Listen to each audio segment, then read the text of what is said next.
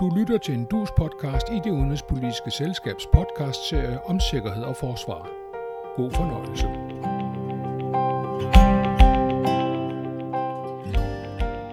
Krigen i Ukraine har forandret alt, også nordisk forsvars- og sikkerhedspolitik. Det fremgår detaljeret af den norske forsvarskommissions beretning om fremtidens forsvars- og sikkerhedspolitiske rammebetingelser i Norden, som udkom i midten af maj. Det skal den næste halve time handle om. Jeg er selskabets faste sikkerheds- og forsvarspodcaster Tage Bagman, og overfor mig har jeg lektor på Forsvarsakademiet, Peter Viggo Jacobsen. Velkommen til dig, og til alle, der lytter med.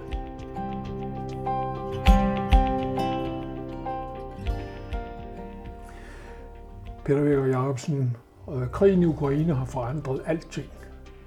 Øh, og de nordiske lande er i gang med at tænke deres øh, forsvar nyt og tænke trusselsbilleder nye. Øh, Norges øh, forsvarskommission er lige kommet med en øh, øh gevaldig stor udredning, 364 sider, hvor de minutiøst gennemgår både udfordringer og hvad der er gået galt. Hvad ser du som er den, den store fællesnævner i den måde, de nordiske lande prøver at tænke deres øh, sikkerhedssituation nyt?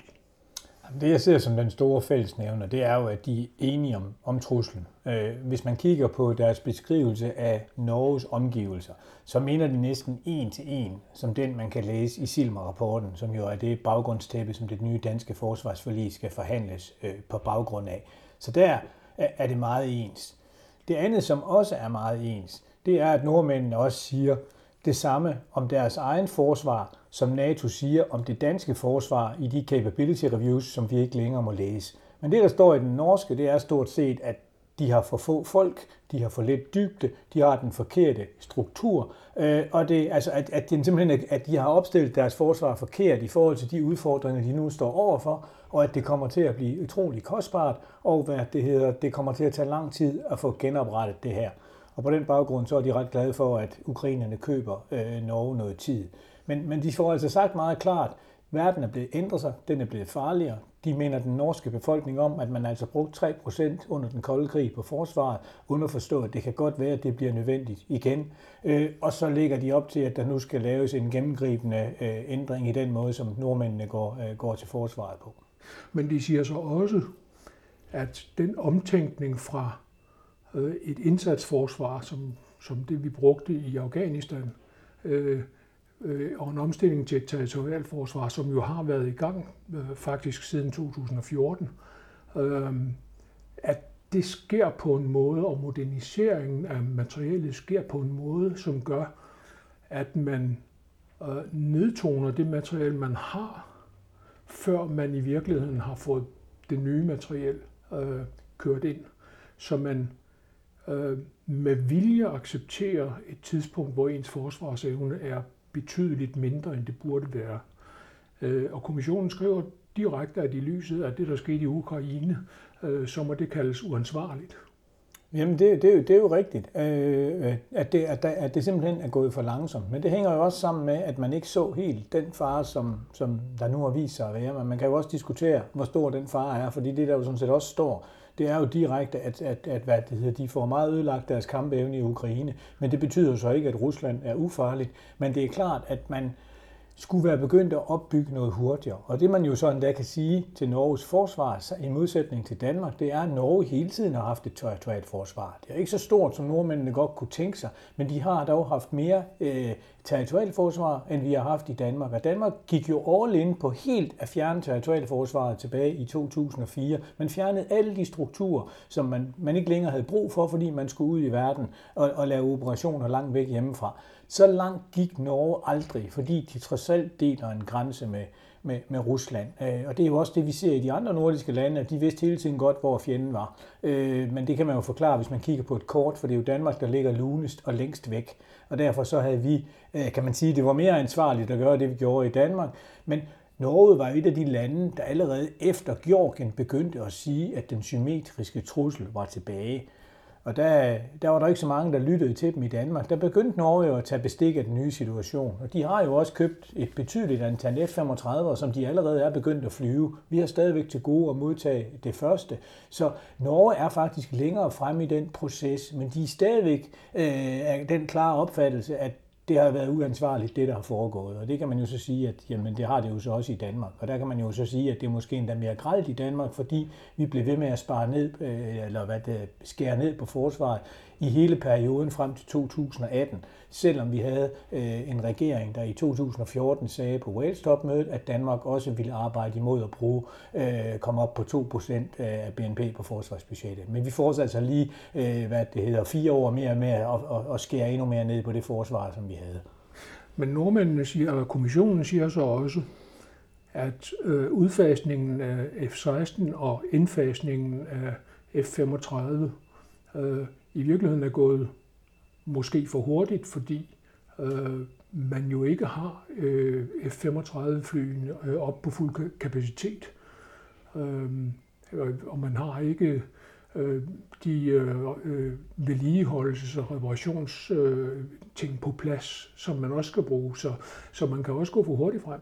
Det kan man i hvert fald, og det er jo en af de ting, som især den danske forsvarschef har betonet hele tiden, at det vil tage lang tid at få på plads. Og det er også en af de ting, og derfor kan man jo sige, at vi så jo sådan set, at, at Danmark jo netop har levetidsforlænget deres F-16, netop for at kunne være en lille smule mere operativ i den periode, hvor vi også havde forudset, at vores kapacitet til i hvert fald at operere uden for Danmark, den ville falde i en periode, indtil man begyndte at få, få indfasningen. Så ja, det er helt rigtigt. Det er vigtigt, at når man udfaser gammelt øh, materiel og indfaser nyt, at man så, så får gjort det på en måde, så man ikke mister alt for meget kampkraft. Det siger sig selv, og det er jo også der, hvis når vi kigger på det nye forlig, som vi skal til at forhandle i Danmark, så bliver det meget vigtigt, at det kommer i den rigtige sekvens.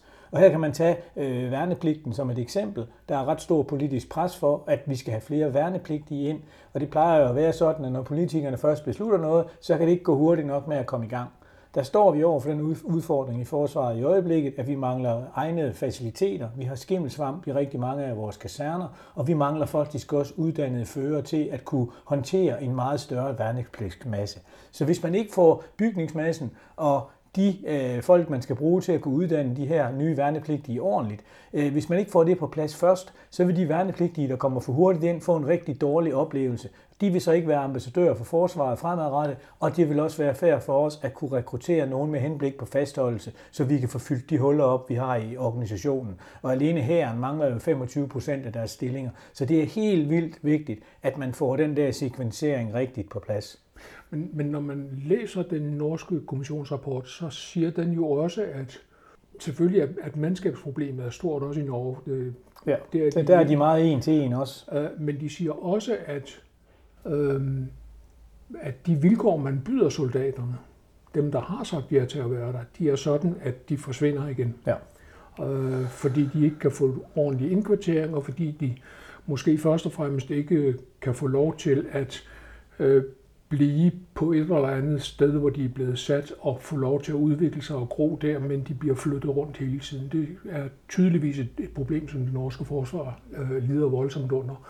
Så hvis man er ansat som specialist i forsvaret, så kan man ikke øh, regne med, at man kan lade sin special, specialviden øh, vokse og gro på et bestemt sted, men bliver flyttet hele tiden. Øh, den her fastholdelsesproblematik øh, øh, Øh, har man nogen som helst idé om, hvordan man kan takle den, øh, udover at kaste penge efter, øh, efter øh, menneskedelen i forsvaret?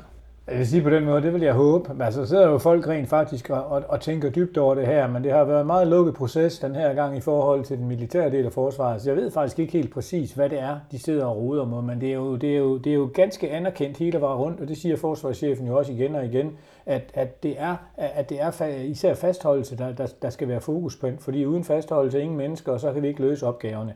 Øh, så det, det handler jo dels om, at der er selvfølgelig det her, altså man kan så sige, at Norge, hvis du kigger på et kort, så har de jo en helt anden geografi end Danmark.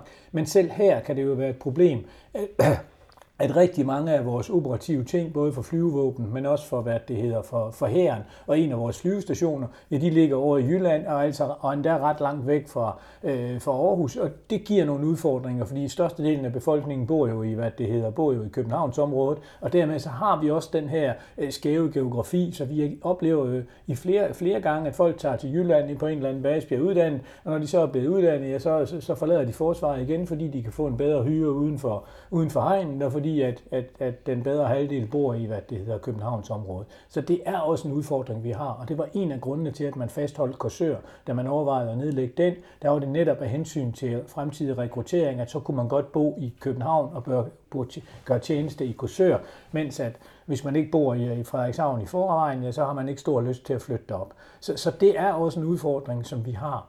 Øh, til gengæld så, så er vi, at det er jo så stadigvæk et så lille land, at det bliver en mindre problemstilling, end, end, end det er i Norge. Men altså, en af de ting, som også presser forsvaret helt vildt i øjeblikket, det er den store mandskabsmangel. Fordi det skaber en ond cirkel, hvor dem, der er tilbage, skal løbe hurtigere og hurtigere for at løse øh, rigtig mange opgaver. Og det operative tempo ikke mindst efter krigen i Ukraine er brudt ud, har jo været helt, altså helt, helt afsindigt. Stort set alt, der kan udsendes, er jo blevet udsendt. Her har været to, ekstra, øh, to gange ekstraordinært i Baltikum med 1000 mand, og nu har de lige vundet en udsendelse til til Baltikum næste år med 1000 mand øh, til sommeren 24. Så de er, de er pænt presset, og derfor så er det altså afgørende, at man finder på det. Men altså, det, det, hvis man taler med soldaterne, så, så peger de jo på, at det kunne være rart, at der var nogle flere folk, at der var, han har sagt, ammunition nok, når man skulle på skydebanen, men også det, at man ikke blev udsendt hele tiden. Altså det, at, øh, så det handler simpelthen om i første omgang at få nogle flere folk ind, og så skabe nogle bedre øh, hvad det hedder, arbejdsbetingelser for dem. Og der er også rigtig mange af sergeanter og seniorsergeanter, der taler om det her, der i gamle dage hed CU. Det er, at man kunne optjene penge til at tage en civil uddannelse senere, når man ikke ville være i forsvaret længere. Og det er også en af de elementer, der er i spil igen. Så der er nogle forskellige håndtag, man kan dreje på. Og så bliver man nok også nødt til at kigge på, på lønnen, men det vil jo være utopisk at forestille sig, at vi kunne gå ud og konkurrere lønmæssigt, især på nogle af de elektronik, elektronik og IT-specialister, vi har på krigsskibene, for de kan bare tjene så mange flere penge uden for hegnet. Nu er du jo øh, politikmenneske, internationale relationer og den slags, øh, så måske er det her mere et sociologisk spørgsmål, men alligevel øh, har vi et grundlæggende problem i, at de unge menneskers forestilling om, hvordan deres tilværelse skal være, simpelthen ikke harmonerer med en ansættelse i forsvaret. Det er muligt, fordi det er jo også det, man hører fra dem, man får ind som værnepligtige, at det ikke er den gamle kæft retning, og der er ikke nogen, der forestiller sig, at de skal være i forsvaret for evigt. Ligesom i gamle dage, hvor man jo også havde en tjenestemandskontrakt, så gik man ind, så vidste man, at det var en livslang karriere, og så vidste man også godt, at lønnen var ikke så høj, men til gengæld blev man pensioneret i en tidlig alder, og så havde man pension resten af livet. Og det var jo også en af de ting, der kunne kompensere for, at man ikke havde en, en, en høj løn. Den er jo helt væk, og det skaber jo nogle nye ting, og så er det også rigtigt, som du, du, du, du, du antyder i dit spørgsmål, at unge mennesker, de, øh, de, de, det er meget mere kortsigtet. Man vil gerne ud og realisere sig selv, man har et projekt, man vil prøve sig af, og når man har fundet ud af, at man kan det, så vil man videre og prøve noget andet. Og det oplever vi også helt konkret i både specialkorpsene, men også i, hvad det hedder, flyvevåben, at når man har taget sin flyveuddannelse, jamen så er det ikke sikkert, at man gider at flyve F-16, eller hvad det nu er resten af sine dage, for nu har man jo prøvet det, og så skal man noget andet. Og vi ser også folk, der kommer gennem optagelsesprøverne til korpsene, der, nå jamen, nu har de jo så demonstreret, at de kan det, og så prøver de det lidt, og så render de ud og prøver noget andet. Sådan var det jo ikke i gamle dage, og det, det skaber en, en ekstra udfordring. Men omvendt så hører jeg også for især folk i herren, der siger, jamen altså, hvis man møder de unge der, hvor de er, og behandler dem ordentligt osv., så, videre, så kan man sådan set stadigvæk godt gøre dem interesseret. Så de ser det ikke som en uoverstigelig udfordring, men, men de efterlyser altså også bedre uddannelsesmuligheder og andre ting. Så, så de tror godt, man kan arbejde med det. Men det, men, men det andet, der ligger i det, det er jo nok også, og her kommer der så også det med de meget små overgange, og det, at der er personalemangel, ikke bare i forsvaret, men overalt i samfundet. Ikke? Kommunerne har jo regnet ud, at de kommer til at mangle 50.000 mennesker på sigt.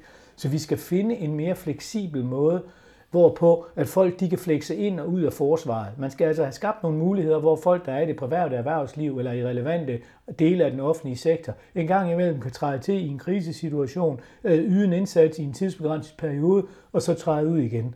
Det tror jeg, at vi bliver nødt til at tænke ind i, for ellers kan jeg ikke se, hvordan man kan løse det. Men det vil stadigvæk ændre, ikke ændre noget på, at vi skal have nogen, der er der, som er dem, der skal ud og slås.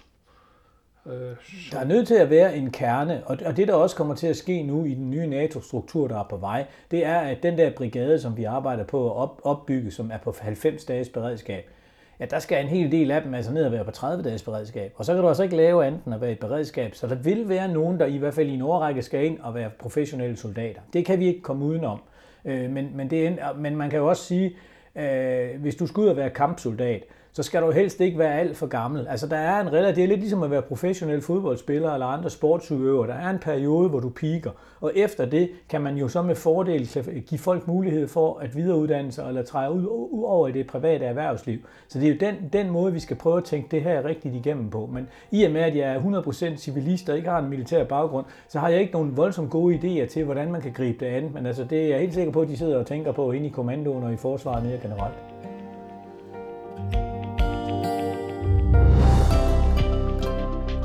Vi er i gang med en podcast i det udenrigspolitiske selskabs serie om sikkerhed og forsvar, i dag om fremtidens sikkerheds- og forsvarspolitik i Norden. Jeg er selskabets faste sikkerheds- og forsvarspodcaster Tage Bagman, og min gæst er lektor Peter Viggo Jacobsen fra Forsvarsakademiet.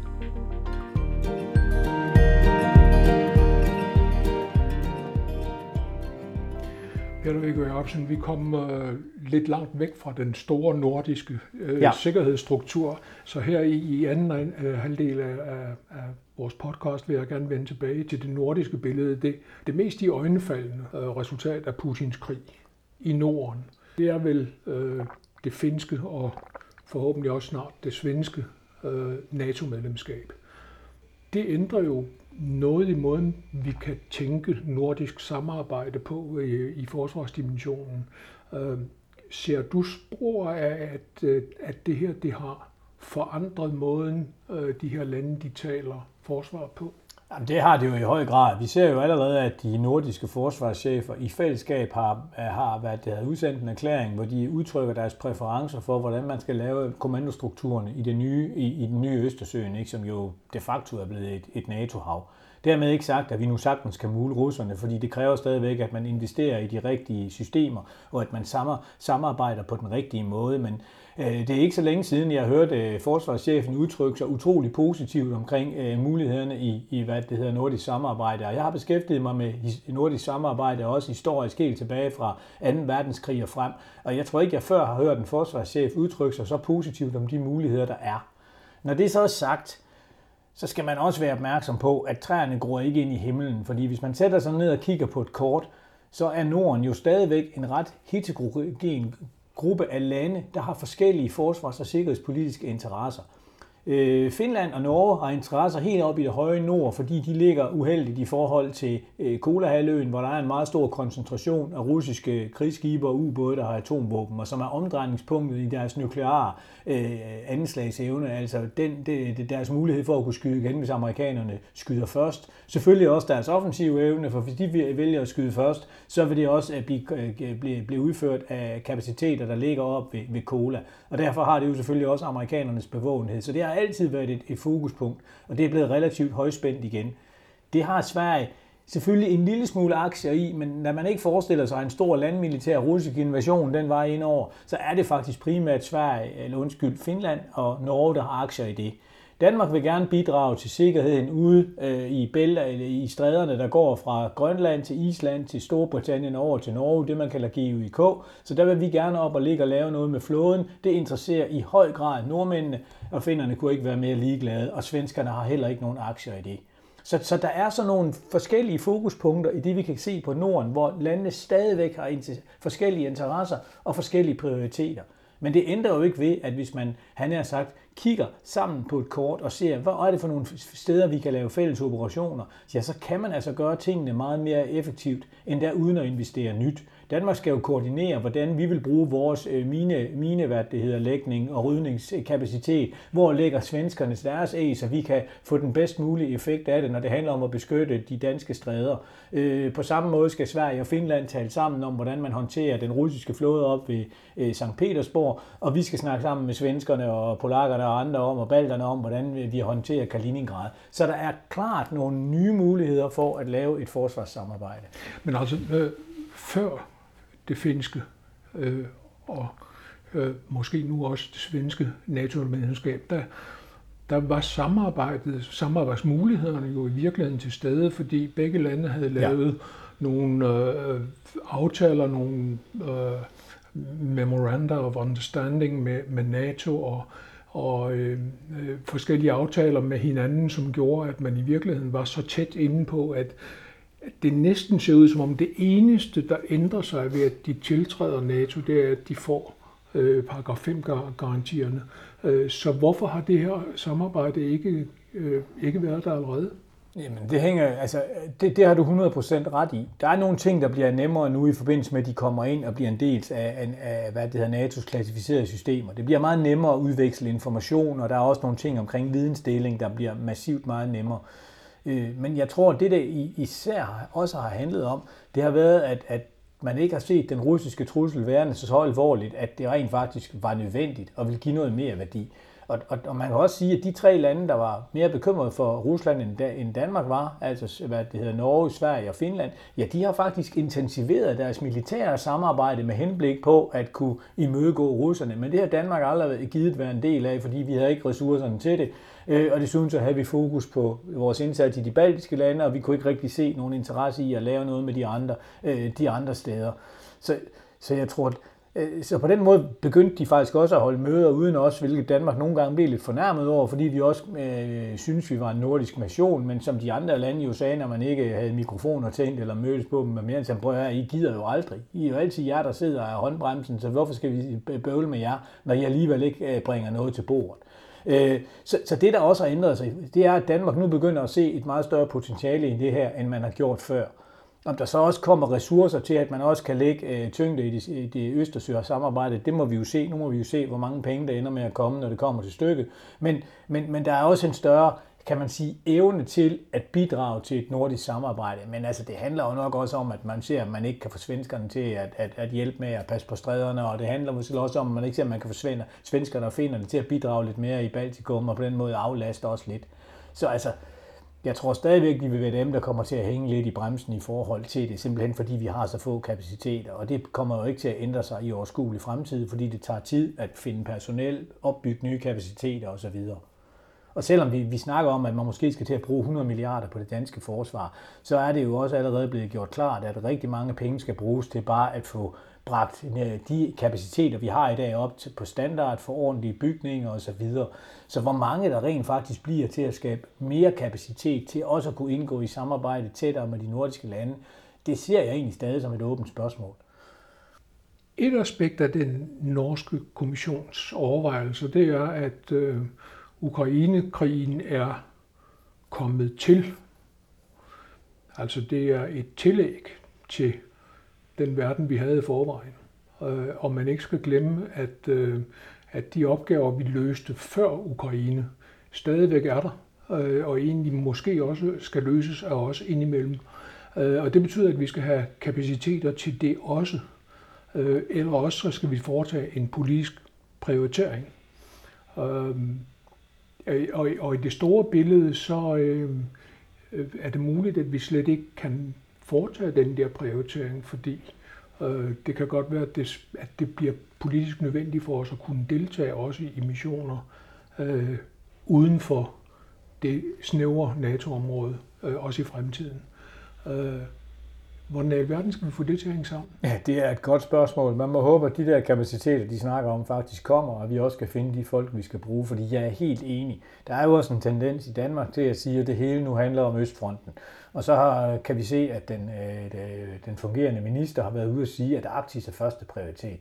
Det, som stort set ingen taler om, det er også problemerne i syd. Altså alle de mange mennesker, der igen er begyndt at komme til Europa. Der kom en million asylansøgere til, øh, da, til hvad det hedder, Europa, øh, til EU sidste år og søgte asyl. Og vi ved, at der med de prognoser, der blev lavet for år tilbage, der i perioden fra 2015 til 2030, der bliver der født 460 millioner mennesker på det afrikanske kontinent. Og hvis vi ikke får stabiliseret Afrika, og det er der ikke noget, der tyder på, ja, så vil rigtig mange af dem søge herop. Og hvis der udbryder nye krige i, i, i Nordafrika, kan det sagtens afsted komme store flygtningestrømme. Så jeg plejer også at sige, når jeg underviser mine krigere inde på Forsvarsakademiet, at ja, ja, de snakker kun om brigaden, og vi skal til Baltikum, men i Baltikum, der kan I få lov at træne, men det bliver nede i Afrika, I kommer til at lave rigtige operationer. Fordi jeg er overbevist om, at vi kommer til at skulle bidrage til stabiliseringsoperationer øh, på det afrikanske kontinent øh, i, i, i altså relativt øh, kontinuerligt. Jeg ser også øh, syd som fast arbejde, og det bliver vi også nødt til at have kapacitet til. Det står der sådan set også i det indeværende forlig, at det skal vi også kunne. Vi kan bare ikke, men vi har simpelthen ikke kapaciteten. Så jeg tror også, at det vi kommer til at opleve, det er, at det som hidtil bliver krisedrevet. Der opstår et eller andet et eller andet sted, og så reagerer vi på det, fordi telefonen ringer, og så er det enten nogle franskmænd, nogle amerikanere, EU eller andre, der er i røret og siger, at Danmark skal også bidrage. Og så siger danske politikere ja, og så finder man ud af at løse det. Og derudover ligger det jo også i kortene, at vi for at gøre amerikanerne glade, bliver nødt til at sejle en fregat til det sydkinesiske hav på et tidspunkt. Så det der med, at man kan gå ind og prioritere sig stramt, det tror jeg sådan set ikke på, fordi som der var en britisk øh, politiker, der sagde engang, events, events, events, der boy, det er det, der driver det. Og for Danmark, der, der bliver det drevet af, at vores allierede ringer og siger, at nu skal vi også bidrage her. Og det, som Danmark jo excellerer i, det er altid at bidrage i håbet om, at de så glemmer, at vi ikke bruger 2% af BNP, og det kommer vi jo ikke til i overskuelig fremtid. Tyskerne reagerede på krigen ved at sige, at vi, bruger to, vi, vi går på 2% med det samme. Det har de ikke gjort, men det var den udmelding, der kom. Den danske udmelding var, puha, det er godt nok farligt, alt er forandret, lad os bruge øh, øh, 2% i 2033. Så der er ingenting forandret. Danmark prøver stadigvæk at skubbe den her regning foran sig. Og så kom der en ny regering, og nu hedder den 2030. Så, men vi er jo stadigvæk det land, der har Øh, vi har en plan for at bruge 2%, ja vel, men de andre har en plan for at nå det i 26 og så videre, så de, og det kan de nok ikke realistisk gøre, fordi de render ind i det problem, som nordmændene skitserer, at man skal passe på ikke at gøre ting for tidligt. Så det er sådan set fornuftigt nok, at man har længere indkøringsfaser på noget af det, men det ændrer jo ikke ved, at det går meget, meget langsomt i Danmark, sammenlignet med, hvad vi ser i stort set alle landene omkring os, og også i de andre nordiske lande.